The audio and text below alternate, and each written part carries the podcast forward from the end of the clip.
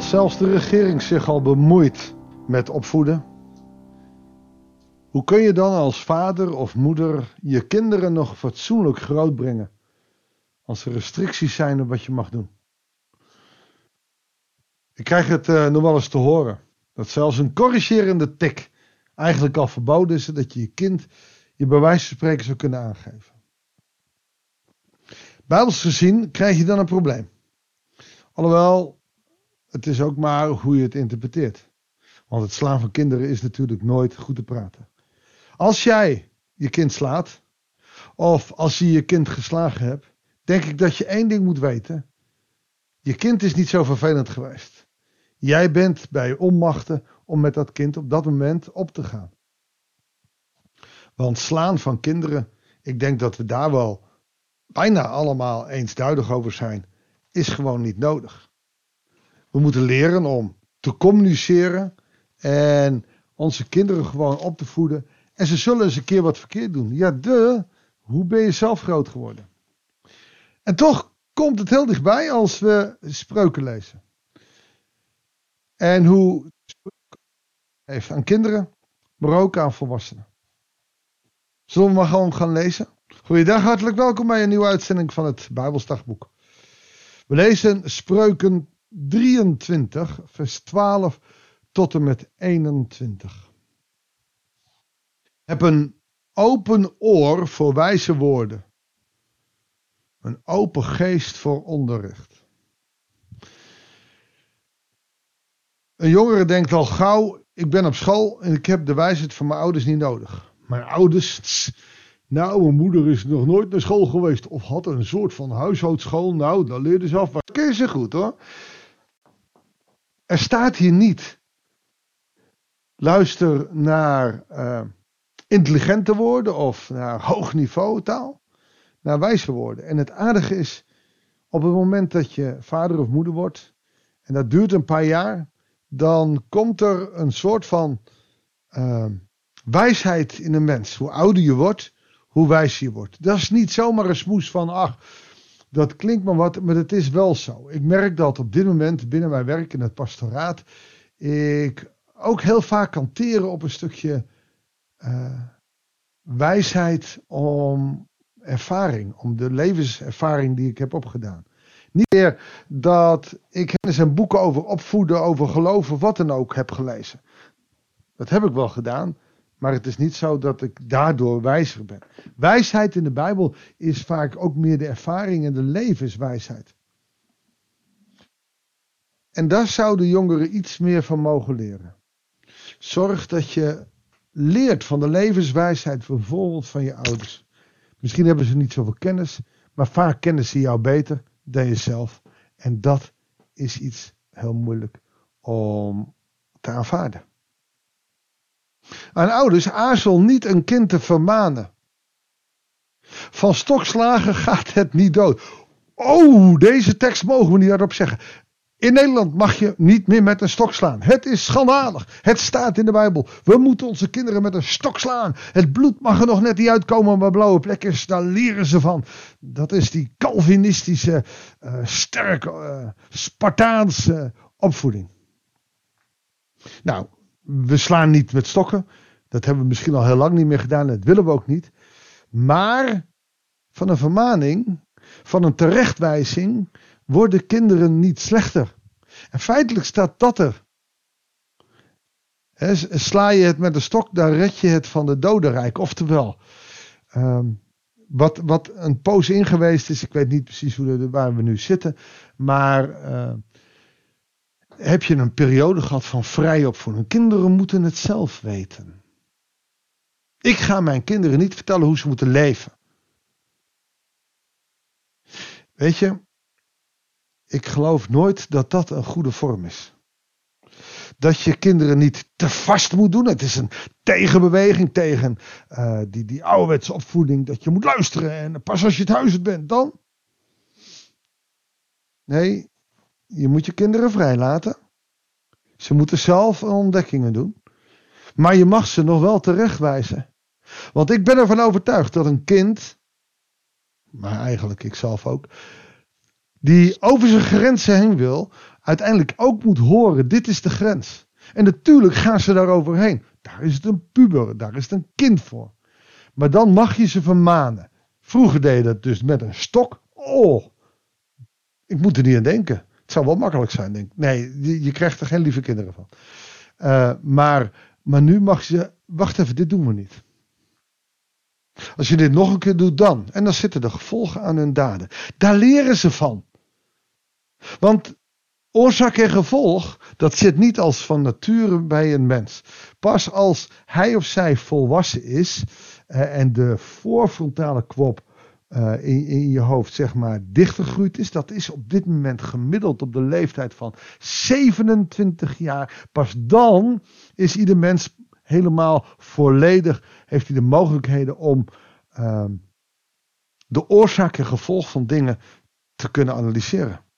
Dus een vermaning, een terechtwijzing, daar gaat niemand dood aan. Het is zelfs van grote noodzaak. Het enige probleem is, ze willen het niet. Betekent dat dat je ze niet moet geven? Nee, dat betekent het zeker niet. Maar je moet het op een manier inpakken.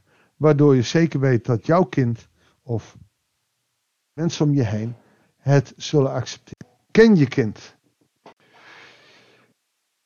Mijn zoon, als je je verstand gebruikt, loopt mijn hart over van vreugde. Het vervult me met blijdschap. Als je een bedachtzaam oordeel hebt. Ik denk dat vele ouders dit zullen snappen. Als je ziet dat hun kind uh, dingen doet waarvan je zegt: wow. Nou, geef maar gewoon een voorbeeld. Ga mijn dochter niet leuk vinden. Uh, ze luistert zelf de podcast niet.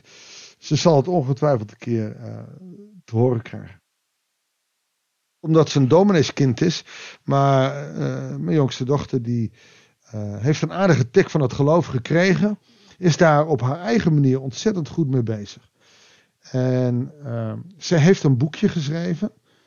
Uh, een prachtige gebedsjournal waar je tips in krijgt en waar je uh, heel veel richting rondom bidden kan krijgen in een cyclus van een aantal periodes. Ride around with God. dat maakt je als vader enorm trots. Uh, mijn dochter, als je verstand gebruikt, mijn hart over. Zij heeft een verstand gebruikt. Zij heeft, zij heeft iets moois gedaan met het geloof. Ze stapt uit. Afgelopen weekend is op de Pinksterconferentie. Um, is ze gaan uh, bidden voor een aantal jongeren. Dan, dan loopt mijn hart over van vreugde. Ik ben niet blijer met haar dan met mijn andere kinderen. Maar en er staat hier ook niet trots, maar er staat hier wel. Uh, mijn hart loopt over van vreugde als ik dat hoor. Er zijn ook ouders die hebben kinderen die dat helemaal niet doen. Nou is dit rondom geloof natuurlijk. Maar als je kind eens een keer zegt: Nou, ik, eh, ik ben vanavond thuis gebleven, want ik wou niet zuipen. Dan kan je hart overlopen van vreugde het, mooie vind ik wel, als je die stokslagen uh, wil voorkomen, dan zul je dit ook met je kind moeten communiceren. Zeg het. Want het is ontzettend belangrijk dat je kinderen ook weten dat het goed is als ze hun verstand gebruiken. En dat ze niet zeggen, en ik heb nog zo gezegd dat.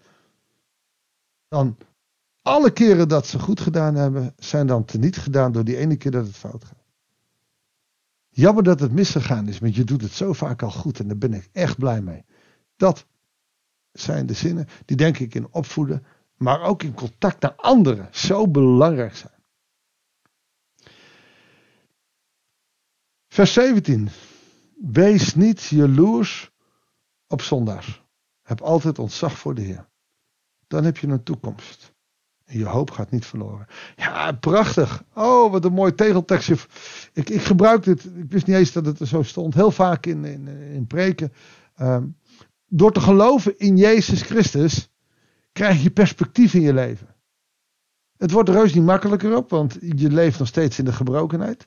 En als je te horen krijgt dat als je gaat geloven en goed gelooft. dan zul je nooit ziek worden of nooit verdriet hebben. Dat is onzin. Maar je hebt perspectief je hebt een toekomst. En dat stelt meer voor dan je denkt. En daarom is het zo onzagwekkend leuk om te geloven. Ik heb in mijn leven perspectief en ik zie om me heen mensen die dat niet hebben. En ik, ik, ik vind dat lege van hun zo verdrietig. Het enige is, het lukt mij niet altijd om ze tot bekering te krijgen. Dat is dan maar zo. Dat laten we aan de Heer over. Betekent wel dat je uit moet stappen en deze mensen kunt en mag aanspreken. Want dan krijgen meer mensen in jouw omgeving een toekomst. En hun hoop zal niet verloren gaan. Tot zover. We zijn niet helemaal klaargekomen. We zien dat we de spreuk, als je er goed op ingaat, is zeker dit gedeelte, niet allemaal losse teksten, maar ook in een geheel staand, erg boeiend kunnen zijn. We gaan samen bidden en daarna gaan we de dag of de avond, wanneer je dan ook maar luistert, weer in. Heere God, dank u wel voor nou ja, vandaag misschien een beetje opvoedkundig-achtig iets. Heer, dank u wel dat u zoveel wijsheid aan ons geeft. Leer ons als ouders, als grootouders, als vrienden, als maatjes, als buren, hieruit te putten. Om op een verstandige manier met elkaar om te gaan. Om elkaar niet met stokslagen te willen terechtwijzen, maar dat we met een vriendelijk woord en een vermaning soms veel verder kunnen komen. Heer, leer ons door de kracht van uw geest om zo op een goede manier met onze anderen om te gaan. Heer, dan zullen wij niet alleen zelf, maar ook de ander gelukkiger van worden. Dank u wel dat u ons die wijsheid wil geven door uw kracht van Jezus Christus, door het lezen in de Bijbel, door het bidden, door naar de kerk te gaan, door met elkaar te communiceren. Heer, dank u wel voor de oplossingen die u daarvoor geeft.